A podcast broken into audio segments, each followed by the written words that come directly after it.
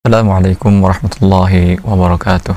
Alhamdulillah rabbil alamin. Wa bihi nasta'in. Nusalli wa nusallim wa nubarik ala nabiyyina Muhammadin wa ala alihi wa sahbihi wa man tabi'ahum bi ihsanin ila yaumiddin wa ba'd. Sampai kita pada bab bai'u al-usuli was thimar. Qala al-muallif rahimahullah babu bai'il usuli was thimar. Ini satu bab pembahasan tentang jual beli al-usul al-usul wasimar jual beli aset dan buah-buahan. Al-usul ma yatafarra'u minhu ghairuhu.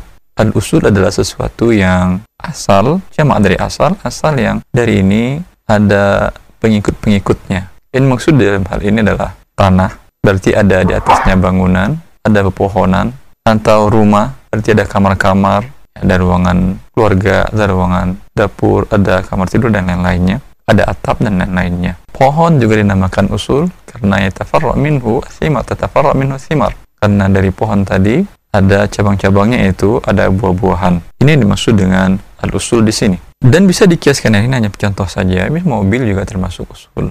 Wathimar dan buah-buahan. Buah-buahan berarti kebalikan dari usul. Buah-buahan kalaulah asalnya adalah pohonnya, buah-buahannya adalah faraknya atau cabangnya. قال المؤلف رحمه الله قال رسول الله صلى الله عليه وسلم نبي صلى الله عليه وسلم bersabda من باع نخلا بعد أن تؤبر فثمرتها للبائع إلا أن يشترطها المبتاع apabila seseorang menjual nakhlan kurma pohon kurma ba'da an tu'abbar setelah pohon tadi dikawinkan ditelkih fasamaratuha lil bai'i maka buah dari pohon kurma tersebut milik si penjual. Illa ayyashtaritahal mubta'u kecuali si pembeli mensyaratkan bahwa buah tersebut menjadi miliknya. Bila seorang pemilik pohon kurma menjual pohonnya setelah dikawinkan berarti di sini sudah ada juhud atau sudah ada usaha dari dia dalam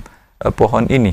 Maka buah yang tampak pada waktu itu setelah dikawinkan itu milik si penjual kalau tidak disyaratkan. Tapi kalau disyaratkan oleh pembeli, maka dia menjadi milik pembeli. Muttafaqun alaih. Hadis ini muttafaq alaih. Wa kadzalika sairul asjari idza kana thamaruhu badian. Dan begitu juga seluruh pohon apabila buah-buah sudah tampak sudah mulai berbuah tampak jelas buahnya. Maka bila seseorang menjual pohon yang sudah tampak buahnya, lalu dijualnya pohonnya, maka buah yang tampak itu milik si pemilik pohon, si penjual kecuali pembeli mengatakan saya beli pohonnya dan saya syaratkan buah ini menjadi milik saya. Kalau tidak disyaratkan maka menjadi milik si penjual. Wa misluhu idza dhahara az-zar'u alladhi la yusadu illa maratan wahidah. Dan begitu juga apabila tampak az-zar', zar' tanaman. Kalau asjar pepohonan, perbedaannya adalah pohon yang ada saknya apa ada batangnya yang besar. Tapi kalau zara tidak, bisa kita katakan palawija ya, atau seperti padi tanamkan dengan zara atau sayur-sayuran dinamakan dengan azra. Yang tidak bisa dipanen kecuali sekali, maka ketika umpamanya dia menjual tanah tersebut dan di sana ada padinya, sawah dijual, maka bila telah keluar buah padi itu, maka padi yang sekali panen itu milik si penjual kecuali pembeli mensyaratkan. Miraran. Bila tanaman tersebut, palawija tersebut dipanen berkali-kali, seperti umpamanya terong dan beberapa buah yang lain. Ya, dipanen kemudian nanti tumbuh keluar lagi. Walaupun ini bukan dinamakan dengan asjar, maka hukumnya kata muallif fal usulu lil mushtari. Maka batangnya uh, tanaman tersebut milik si penjual. Wal jazzatu zahiratu indal bai'i indal bai'i lil bai'i. Dan yang bisa dipetik ketika saat dijual, terong yang bisa dipetik pada saat itu itu menjadi milik si penjual pada saat dijual kecuali si pembeli mensyaratkannya. Kaidah dalam hal ini yang dijelaskan oleh muallif ini dalam masalah yang tampak buahnya. Kalau menjual al-usul, suatu barang yang sifatnya adalah memiliki pengikut-pengikutnya, maka kaidah yang dijelaskan oleh para ulama atau tawabit yang dijelaskan oleh para ulama, sesuatu yang mengikut kepada usul tersebut, aset tersebut, bila dia tidak terpisah, maka dia mengikut kepada hukum barang yang dijual. Bila Anda menjual rumah, termasuklah di sana menjual atapnya, menjual tangga yang atau sesuatu yang nempel ke dinding yang sudah dipakukan atau dipatenkan atau sehingga melekat dan susah untuk di bila dicabut menyebabkan kekurangan dari rumah tersebut, maka ini dia mengikut ketika Anda beli rumah walaupun tidak Anda sebutkan ini saya beli ini tangga ini saya beli ini saya beli termasuk di sana semuanya. Jendelanya juga termasuk. Tapi kalau terpisah maka tidak termasuk. Umpamanya bila Anda beli rumah dalam furnitur furniturnya ini milik si penjual. Kalau jual rumah berarti kalau dibawanya dibawanya nggak termasuk furniturnya ini. Kecuali disyaratkan dan sudah menjadi kebiasaan. Kembali kepada uruf lagi. Ini uruf yang ada di masa waktu itu sekarang umpamanya kalau beli rumah yang ada AC-nya, ya tergantung urufnya. Kalau hukum asalnya, bila mereka tidak mensyaratkan, maka beli rumah tersebut termasuklah AC-nya. Karena bila dicabut akan merusak kondisi rumah tersebut.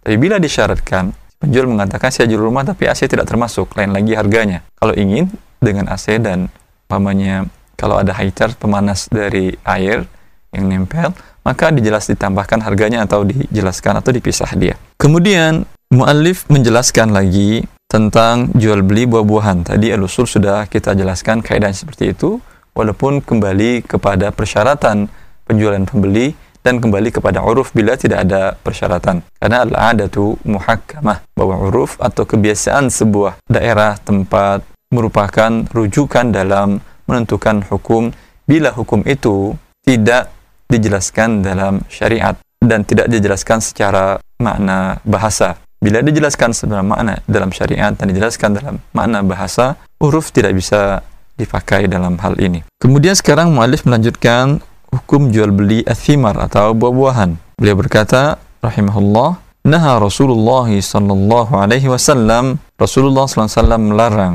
an bai'i thimari melarang menjual buah-buahan hatta yabduwa salahuha sampai buah-buahan tersebut menjadi matang. Nahal bai' wal mubta' Rasulullah melarang si penjual dan pembeli. Wasu'ila an solahiha dan Rasulullah pernah ditanya tentang kapan dia menjadi baik, menjadi matang. Faqal, maka beliau bersabda, hatta tadhaba ahatuhu, yaitu sampai hilang penyakit atau hama diperkirakan sudah tidak mungkin terserang hama lagi ketika itu sudah boleh dijualkan. Wa fi dan dalam sebagian lafaz hadis hatta tahmarra atau tasfar. Sampai memerah buah tersebut atau menguning. Atau ada jenis yang lain yang menghitam. Yang jelas berubah warnanya dari warna sebelumnya. Atau juga ada yang tidak berubah. Tamawu seperti anggur yang hijau matangnya dengan tamawu dengan kelihatan airnya sudah tampak ya walhasil maksud di sini berbeda dari satu dan lainnya buah-buahan tersebut. Wanaha an bai'il hambi hatta yashtadda. Dan Rasulullah melarang menjual biji-bijian sampai yashtad. Yashtad itu sampai ada isinya dan mengeras isinya. Kalau padi umpamanya, ketika dia baru muncul, kalau dipencet umpamanya, terdetekan dengan jari, akan keluar air, maka dia belum yashtad, ini belum mengeras. Belum boleh dijual. Kalau sudah mengeras yashtad, maka boleh dijual. Rawahu ahlus sunan Hadis ini diriwayatkan oleh Ahlus Sunan. Waqal dan Nabi bersabda, "Lau bi'ta min akhika thamaran" bila engkau menjual pada saudaramu buah-buahan sebelum matang tentunya, fasabat hujaihah lalu buah-buahan tersebut diserang hama, fala yahillu laka an ta'khudha minhu syai'a. Maka tidak halal bagimu engkau mengambil uangnya. Bila dia beli sebelum matang, kemungkinan terkena serang hama ada. Lalu dibayarnya uangnya. Dan dia bisyarti tabqiyah dibayarnya uangnya. Ternyata terserang hama dan habis maka uang yang anda terima ini tidak ada imbalannya. Bima ta'khudhu mala akhika bighairi haq Nabi mengatakan dengan apa engkau ambil harta saudaramu tanpa dengan cara yang hak? Rawahu muslimun. Hadis ini diriwayatkan oleh Imam Muslim. Maka maksud dari jual beli buah-buahan sebelum matang hikmahnya menghindari al-gharar menghindari persengketaan antara penjual dan pembeli dalam hal ini. Dan ini dinamakan dengan hikmah bukan illat. Artinya, qad tatakhallaf al-hikmatu 'anil hukmi bi khilafil illah. Terkadang hikmah ada atau bisa tapi hukum tidak atau hukum ada hikmah tidak. Walhasil hikmah dengan illah berbeda. Maka bila ada yang mengatakan, kalau umpamanya saya bisa memastikan bahwa tidak akan terserang hama, bolehkah menjual sebelum matang? Juga tidak boleh. Karena ini adalah hikmah dan bukan illat. Illatnya adalah sabda Rasulullah Shallallahu Alaihi Wasallam yang melarang hal tersebut. Menjual buah-buahan sebelum matang, bisyartil qat'i, bila buah-buahan dijual sebelum matang dalam keadaan masih muda, tetapi si pembeli mengatakan atau si penjual mengatakan silahkan tetapi dengan syarat langsung Anda panen hari ini atau dalam waktu dua hari ini secepatnya dipanen. Bila bisyartil qata' para ulama mengatakan boleh. Umpamanya dia memang, memang yang diinginkan oleh dia mangga muda untuk sebuah keperluan usaha dia, maka boleh. Bisyartil qat'i dengan syarat dipanen di waktu itu. Yang menjadi khilaf para ulama bisyartil tabqiyah yaitu dia menjual buah mangga tersebut dan buah-buahan yang lain sebelum matang, kemudian si pembeli mengatakan nanti saya panen, saya ambil setelah dia matang. Ini yang dilarang oleh Rasulullah Sallallahu Alaihi Wasallam. Lalu kapan kita menentukan matangnya? Tadi dijelaskan oleh Rasulullah SAW sampai berubah menguning atau memerah atau sebagian seperti taswat menghitam juga ada beberapa buah yang menghitam atau kelihatan airnya sudah atau sampai dia mengeras atau bila yang tidak ada dalam hal ini kembali kepada uruf bahwa ini dianggap sudah matang. Lalu bagaimana kita mungkin untuk menjualnya? Apakah setelah satu pohon itu matang, satu kebun itu matang seluruh pohon buahnya atau bagaimana? Para kita menjelaskan bahwa bila ada di sebuah pohon itu satu saja buah yang sudah matang, pohon ini semuanya boleh dijual. Kemudian yang sejenis dengan ini, umpamanya mangga, mangga kan ber, berbagai jenis mangga yang ini mangga harum manis umpamanya. Dalam kebun itu seluruh mangga harum manis tersebut sudah boleh dijual. Dan juga sudah boleh dijual di kebun-kebun yang lain mangga harum manis. Karena mungkin matangnya berbeda satu mangga dengan mangga yang lainnya. Karena yang dimaksud adalah hilangnya karena dalam beberapa riwayat yang lain bahwa hatta taz, tazhua sampai datang waktu dia matang yang dimaksud di sini adalah waktu. Bila waktu matangnya sudah sudah muncul sudah tiba maka hama sudah tidak lagi menjangkit buah-buahan tersebut. Wallah taala alam. Bila matang satu saja, satu jenisnya di daerah tersebut sudah boleh diperjualbelikan sekalipun dengan bisyarti tabqiyah walau masih belum dipanen langsung oleh si pembeli. Ini saja, semoga bermanfaat. Assalamualaikum warahmatullahi wabarakatuh. Alhamdulillah wassalatu wassalamu ala Rasulillah wa ala alihi wa sahbihi wa man walah wa ba'd. Penerimaan barang.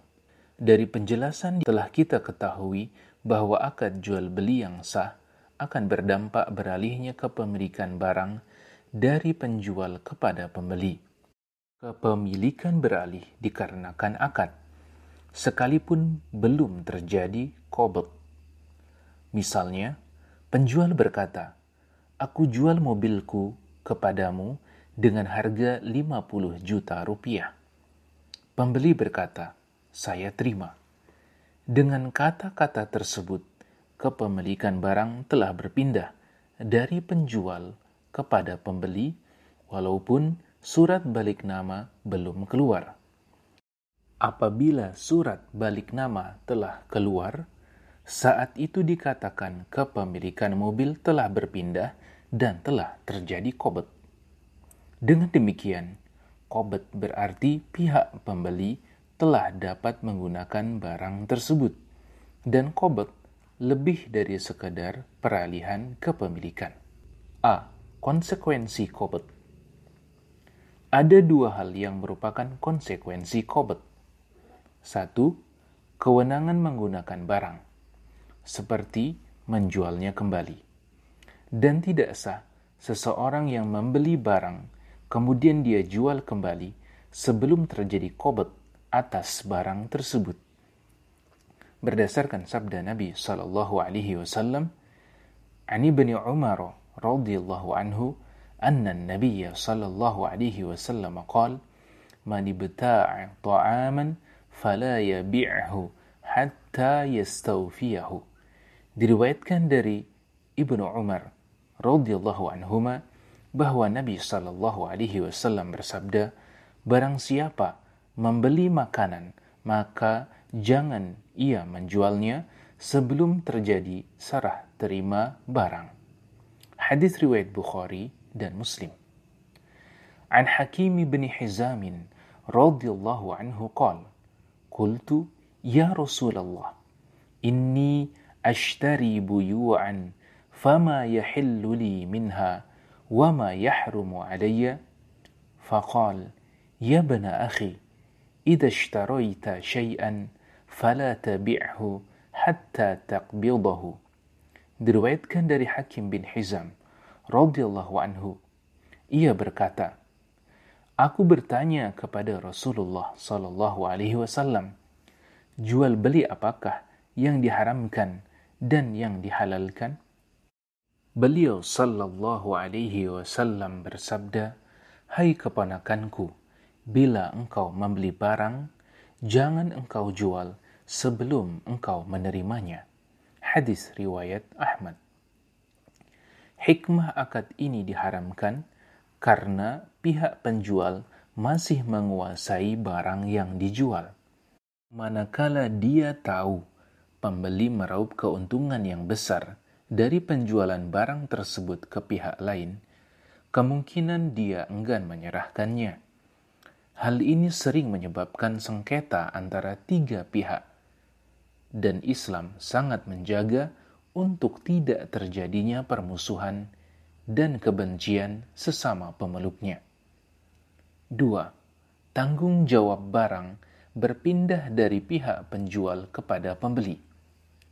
Jikalau barang lenyap setelah terjadi jual beli dan sebelum terjadi kobet, maka barang berada dalam tanggungan pihak penjual karena barang masih dalam garansinya, kecuali sebab lenyapnya oleh si pembeli.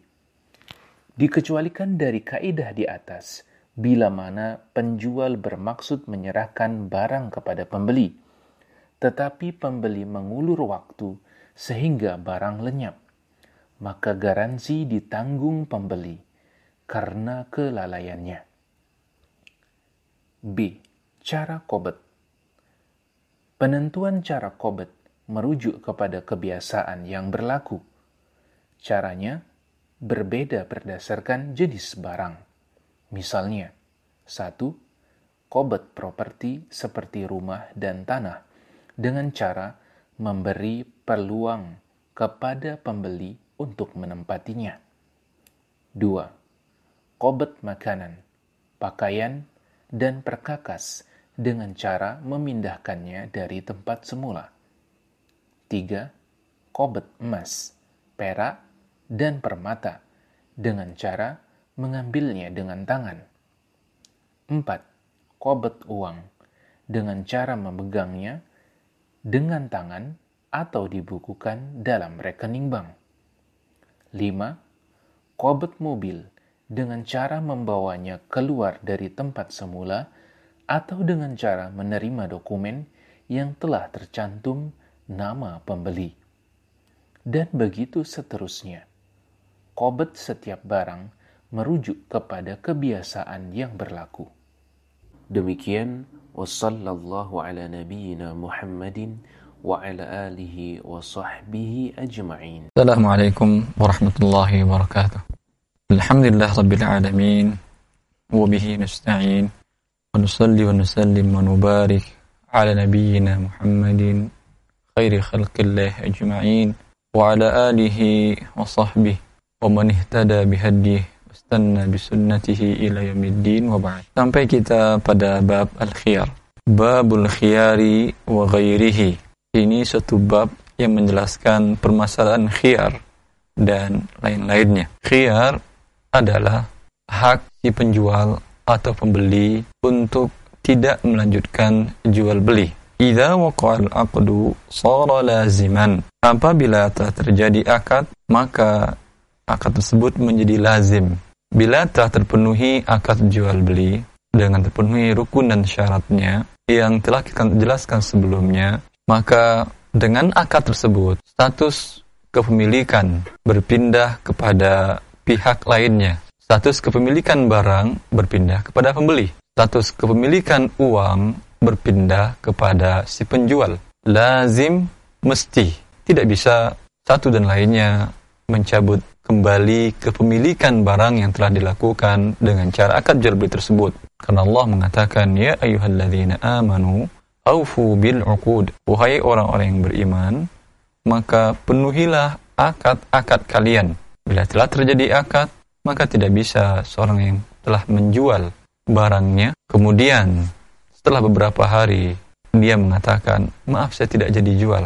Karena satu dan lain hal, umpamanya harga ternyata sangat tinggi sekali. Sebelumnya harga masih normal, kemudian terjadi sesuatu yang diinginkan oleh Allah, maka harga melonjak tinggi dan dia merasa rugi telah menjualnya dengan harga normal pada waktu itu. Tidak ada hak dia lagi. Bila telah dijual dengan cara tidak tunai, dengan akad, barang diterima oleh pembeli. Pada saat pembeli umpamanya tidak mampu melanjutkan atau gagal untuk membayar angsuran bukan karena kelalaiannya, tidak ada hak bagi si penjual barang untuk menarik barang. Tidak ada hak lagi. Karena dengan jual beli, hak kepemilikan barang berpindah kepada si pembeli walaupun belum tunai. Yang ada sekarang adalah hutang. Kalau dia, si pembeli ini yang berhutang dengan cara beli jual kredit ini, seseorang yang terkena usrah, kesulitan pada saat mengangsurannya, maka tidak ada hak bagi si penjual melainkan nazirah in kana dhu usratin fanadhiratun ila maisarah. Jika dia mengalami kesusahan si pembeli tadi yang berhutang, maka tunggu sampai dia mampu. Kecuali disyaratkan bahwa barang tersebut dijadikan barang jaminan, maka statusnya adalah sebagai rohan, sebagai barang jaminan dengan dipersyaratkan agar si pembeli tadi mewakilkan kepada si penjual pertama untuk menjualkan barang jaminan bila terjadi gagal bayar. Ini memungkinkan si penjual untuk menjual barang gadaian tersebut. Dan setelah barang digadai, barang gadaian dijual, bukan seluruhnya milik penjual pertama. Karena harta ini, barang gadaian ini milik si pembeli. Berapa hutang si pembeli ini tadi ditutupi dan sisanya dikembalikan kepada si pembeli. Andai dia beli umpamanya rumah dengan cara tidak tunai. Dengan akad berpindah kepemilikan rumah yang tidak tunai tadi kepada si pembeli. Walaupun di atas kertas, masih atas nama penjual. Karena syariat Allah Subhanahu wa taala mengatakan, "Ya ayyuhalladzina amanu aufu bil uqud." Wahai orang-orang yang beriman, penuhilah akad-akad kalian dengan akad jual beli berpindah walaupun atas kertas secara administrasi masih atas nama si penjual. Tidak ada masalah. Kemudian si penjual tadi mensyaratkan agar rumah ini dijadikan barang gadaian untuk hutang si pembeli kepada dia. Pada saat umpamanya dibuat perjanjian, karena tanpa perjanjian ini tidak ada hak si penjual untuk menjualkan barangnya. Karena belum jatuh tempo seluruh hutangnya. Kecuali telah jatuh tempo seluruh hutangnya lima tahun, setelah lima tahun belum juga mampu bayar, baru hak dia untuk menjualkan barang gadaian ini. Tapi mungkin terlalu lama bagi si penjual. Mungkin bisa si penjual mensyaratkan dalam tiga kali angsuran kewajiban berturut-turut si pembeli tidak mampu untuk melunasi kewajibannya dan tidak ada itikat baik, maka otomatis si pembeli mewakilkan kepada penjual untuk menjualkan barang gadaian. Dengan angkat ini bisa dia untuk menyelamatkan haknya. Tanpa itu tidak ada hak dia untuk menarik kembali. Karena lazim sudah akad Allah menetapkannya. Dengan demikian, pada saat dia tidak mampu membayar tiga kali umpamanya, jadi jatuh tempo hutangnya seluruhnya pada waktu itu dan dijual rumah tadi dan ditutupi sisa hutang. Andai kita katakan hutang jual beli tidak tunai tadi harganya seluruhnya 300 juta dan telah dibayar oleh si pembeli sebanyak 200 juta. Sisa hutangnya 100 juta. Pada saat terjadi ketidakmampuan atau sengaja dilambat-lambatkan oleh si pembeli untuk membayar hutangnya, pada saat itu, bila tiga kali terjadi seperti yang disyaratkan di awal, si penjual berhak menjual rumah tadi. Setelah terjual, Anda yang pemain terjual, harga naik dan terjual 500 juta. Tidak ada hak bagi si penjual kecuali 100 juta saja. Diambilnya haknya dia 100 juta karena piutang dia tinggal 100 juta. Yang 400 juta kewajiban dia untuk mengembalikannya kepada si pembeli. Ini asar atau konsekuensi dari sebuah akad yang lazim. Tidak bisa ditarik dia lagi karena akad sudah menjadi lazim. Kita lanjutkan perkataan muallif illa lisababin minal asbabi asyariyati kecuali ada sebab di antara sebab-sebab yang syar'i. Pada dasarnya dengan telah terjadinya akad jual beli, maka jual beli menjadi lazim, tidak bisa ditarik kembali oleh kedua belah pihak. Baik pembeli juga mengatakan tidak bisa dan mengatakan saya tidak jadi beli bila telah terjadi akad. Kecuali ada sebab syar'i yang membatalkan akad ini atau menggantungkan akad ini. Faminha maka di antaranya kata al-muallif khiyarul majlisi. Di antaranya adalah khiyar majlis. Majlis artinya majlis tempat pertemuan, duduk atau tempat akad dilakukan.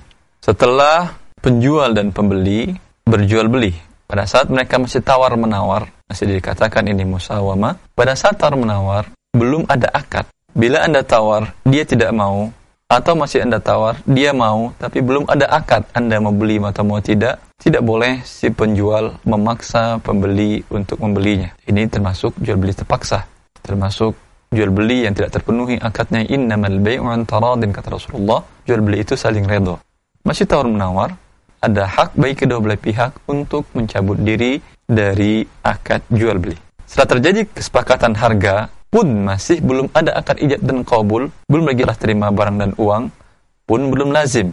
Kemudian telah terjadi kesepakatan harga dan diserah terimakan barang. Anda terima barang, Anda berikan uang, tapi masih dalam majelis, belum berpisah dari majelis tersebut. Dia masih berdiri, masih lihat-lihat lagi segala macam, masih pertimbangan, dan si penjual juga demikian uang dimasukin ke dalam tempat penyimpanan uang, lalu dia masih berdiri di sana, belum ada yang berpisah, masih dalam majelis. Pun masih saat ini masih ada khiyar, masih ada hak bagi si penjual dan pembeli untuk membatalkan kembali jual belinya atau untuk tidak jadi membeli. Karena kalau kita katakan membatalkan berarti sudah ada jual beli. Untuk tidak jadi jual beli tidak ada masalah. Hak ini ditetapkan oleh syariat, hakun syar'i, hak syariat. Walaupun di notanya umpamanya tertulis di sana barang yang telah dibeli tidak bisa dikembalikan. Tapi Anda masih dalam majelis itu. Anda terima barang dan dia pun belum berpindah dari majelis yang masih di sana, belum masuk ke dalam ruangan yang lain. Ini masuk dengan majelis ruangan tempat akad dilakukan.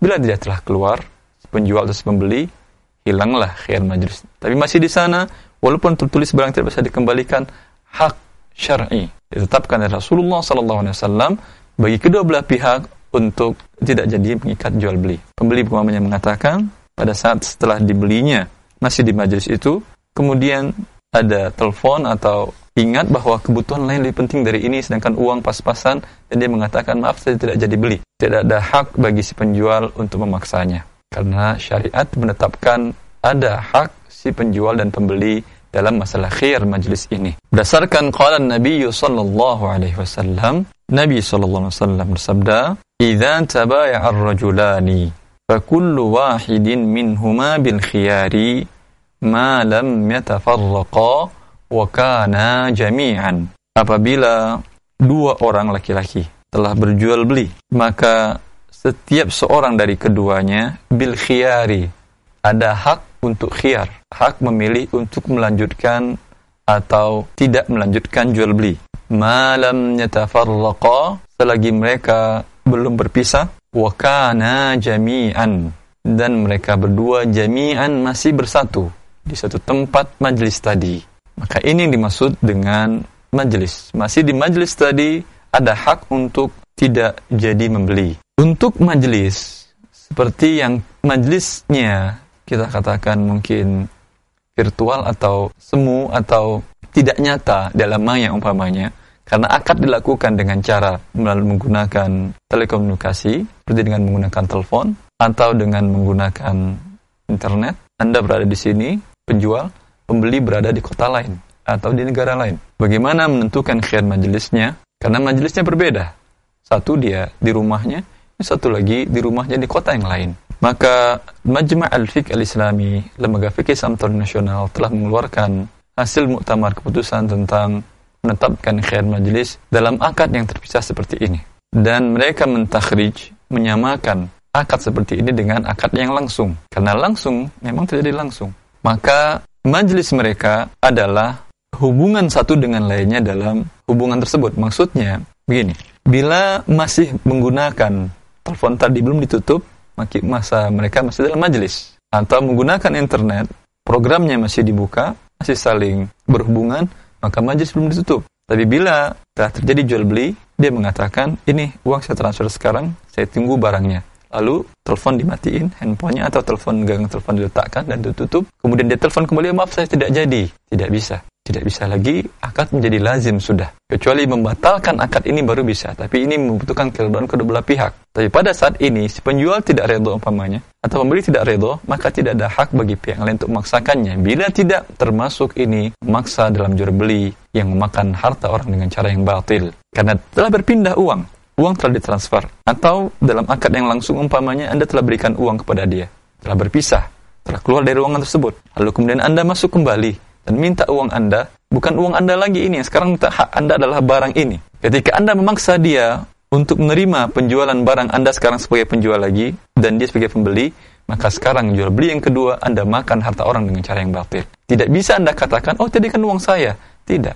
Dengan adanya akad, Allah telah menafikan hak Anda dari uang tadi dan yang ada sekarang hak Anda adalah barang dan bukan lagi uang dan sebaliknya kepada si penjual. Karena Allah yang mengatakan, "Aufu bil uqud." penuhilah akad-akad kalian aw yukhayyiru ahaduhuma al-akhar fa in khayyara ahaduhuma al-akhar fatabaya'a ala dhalik faqad wajaba al-bay'u. atau memberikan hak khiyar salah seorang kedua dari yang berjual beli kepada yang lainnya artinya Tadi mereka mempunyai hak khiar kedua-duanya. Sekarang tidak. Salah satu mengatakan, saya berjual beli dengan Anda dan saya gugurkan hak khiar saya.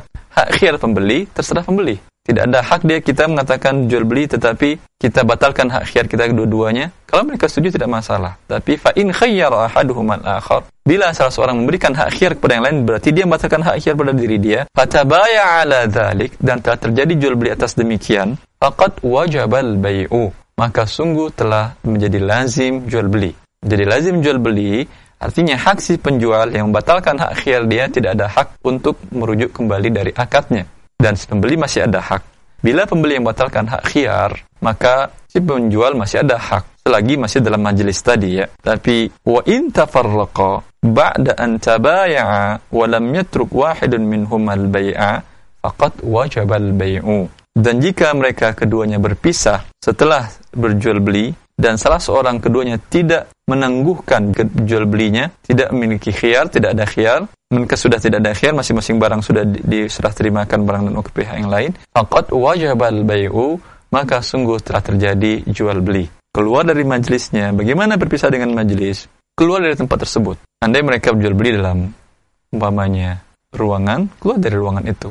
Bila dalam kapal yang dijelaskan oleh para ulama bila di bawah dek, dek bagian bawah pindah dek dek bagian atas. Bila umpamanya di bis jual belinya di tempat duduknya pindah ke tempat duduk belakang atau di kereta api dari gerbong satu pindah ke gerbong yang lain dan majlis adalah tempat tafarruqul aqwal berpisah dengan berpisahnya perkataan dalam hal ini khilaf para ulama pendapat yang terkuat mengatakan belum dinamakan walaupun mereka masih di dalam majlis itu dan lama, walaupun sudah berbicara ke mana-mana, tapi masih ada hak khiar selagi mereka masih dalam ruangan tersebut. Karena hak khiar ini wakana jami'an. Mereka berdua masih bersatu dalam satu tempat. Ini saja permasalahan babul khiyar. Wabillahi taufiq. Assalamualaikum warahmatullahi wabarakatuh. Assalamualaikum warahmatullahi wabarakatuh. Alhamdulillah rabbil alamin.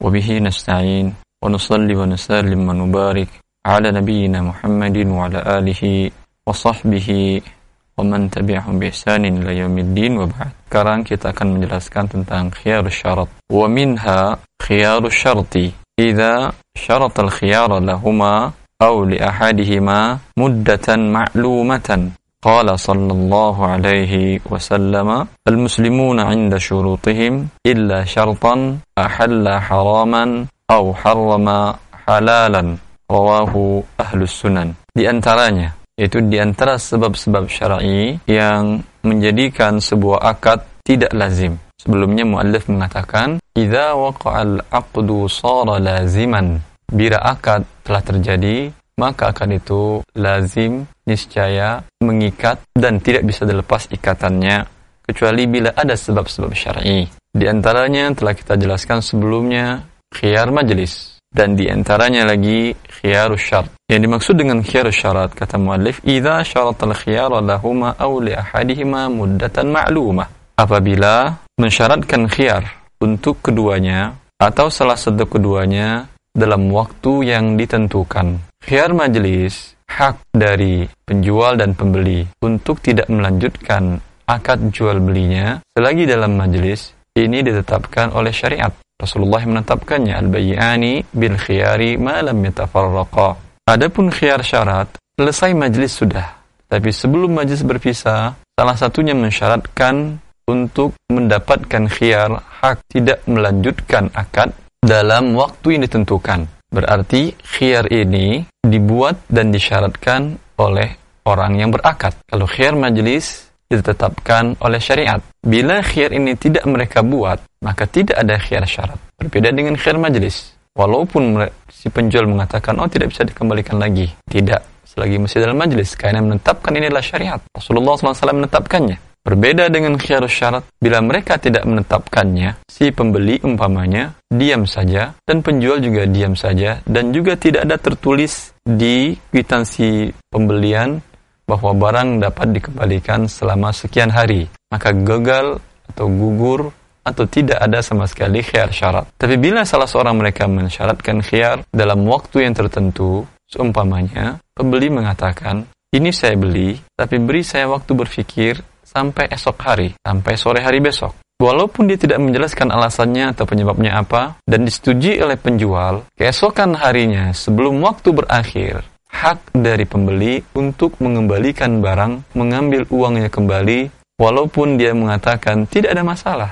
Ditanya oleh si penjual, memang ada apa dengan barangnya? Tidak ada apa-apa, tetapi saya hanya tidak mau beli saja. Hak bagi pembeli untuk mengatakan demikian bila dia menetapkan khiyar syarat. Dan khiyar ini disyariatkan liraf'id darar untuk mengangkatkan kemudaratan bagi penjual dan pembeli. Terkadang seseorang terlalu tergesa-gesa membeli barang sehingga dibeli dia bila dia tidak mensyaratkan khiyar setelah berpikir berpikir lagi berpikir lagi ternyata dia menyesalinya bila angkat sudah lazim tidak ada hak untuk dia bisa mengembalikan. Oleh karena itu, syariat menetapkan adanya khiyar majlis dan adanya khiyar syarat ini agar mereka keredoannya benar-benar tidak diakhiri dengan penyesalan dalam jual beli tersebut. Bila kita katakan hak khiar syarat ini dalam waktu tertentu, berapa waktu maksimalnya? Para ulama dalam madhab syafi'iyah dan hanafiyah mengatakan batasan maksimal dalam khiar syarat hanyalah tiga hari. Lebih dari tiga hari gugur hak khiar dari pembeli. Berdasarkan hadis-hadis tentang waktu khiar, tentang khiar tasriyah, khiar aib, dan khiyar al mustarsil itu Rasulullah mengatakan falahu bil khiyari salah satu ayam. Dia memiliki hak khiyar selama tiga hari. Dalam mazhab yang lain, para ulama dalam mazhab Hanabila tidak ada ketentuan waktunya. Karena Rasulullah menetapkan tiga hari bukan berarti perintah untuk tiga hari. Maka artinya maka baginya hak khiyar selama tiga hari. Lebih dari itu maskutun an tidak dijelaskan oleh Rasulullah SAW. Dan hukum asalnya boleh berdasarkan sabda beliau, Al-Muslimun ala syurutihim. Bahwa orang-orang Muslim tersebut berdasarkan syarat-syarat yang mereka buat. Dan syarat yang mereka buat bisa jadi tiga hari, bisa jadi seminggu, bisa jadi sebulan, tergantung kesepakatan mereka berdua dan jenis barang yang mereka beli tentunya. Berbeda kalau orang membeli seekor hewan dengan membeli sebuah pabrik berpikir untuk pabrik tersebut, barang yang dibelinya pabrik tentu lebih lama, apalagi yang besar umpamanya. Maka pendapat yang terkuat dalam hal ini, Allah Taala alam, mutlaknya sabda Rasulullah SAW bahwa orang Islam itu memenuhi persyaratan mereka. Maka dikembalikan kepada mereka berdua selagi mereka masih redha. Dibenarkan waktu maksimal khiyar syarat itu lebih dari tiga hari. Tetapi tidak boleh waktunya tidak jelas. Dia mengatakan, beri saya khiyar selama beberapa waktu. Berapa hari? Dia tidak menjelaskan. Maka ini tidak boleh karena mengandung unsur qarar. Juga tidak boleh dia mengatakan atau si penjual mengatakan, barang ini saya jual dan kapan pun Anda kembalikan, saya terima. Ini takbit, tidak dijelaskan waktunya selama-lamanya. Maka ini juga tidak boleh karena mengandung unsur qarar yang menyebabkan si penjual dan pembeli tidak bisa menentukan penjual umpamanya tidak bisa menuliskan sebagai sebuah keuntungan karena siapa tahu nanti setelah lima tahun dikembalikan oleh si pembeli. Maka dengan demikian persyaratan dalam pengembalian barang return atau pengembalian barang dengan mendapatkan uang kembali atau refund dinamakan dalam istilah mereka itu harus ada waktu.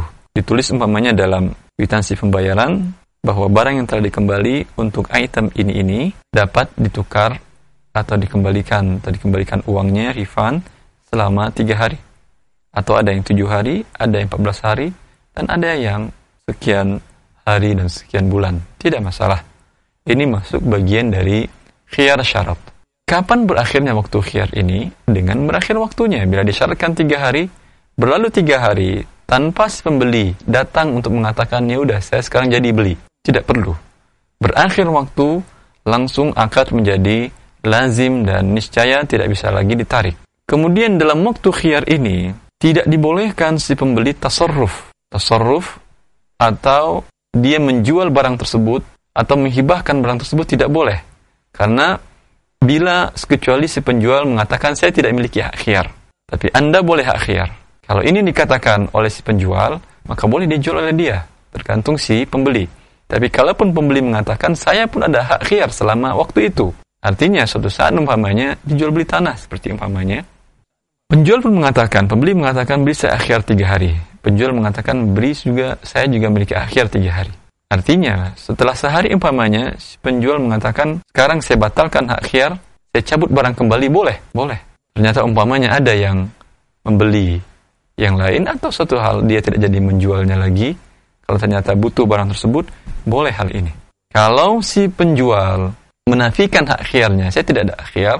Boleh pada waktu itu si pembeli menjualkan atau bertasarruf atau memindah tangankan mengalihkan kepemilikan barang tersebut.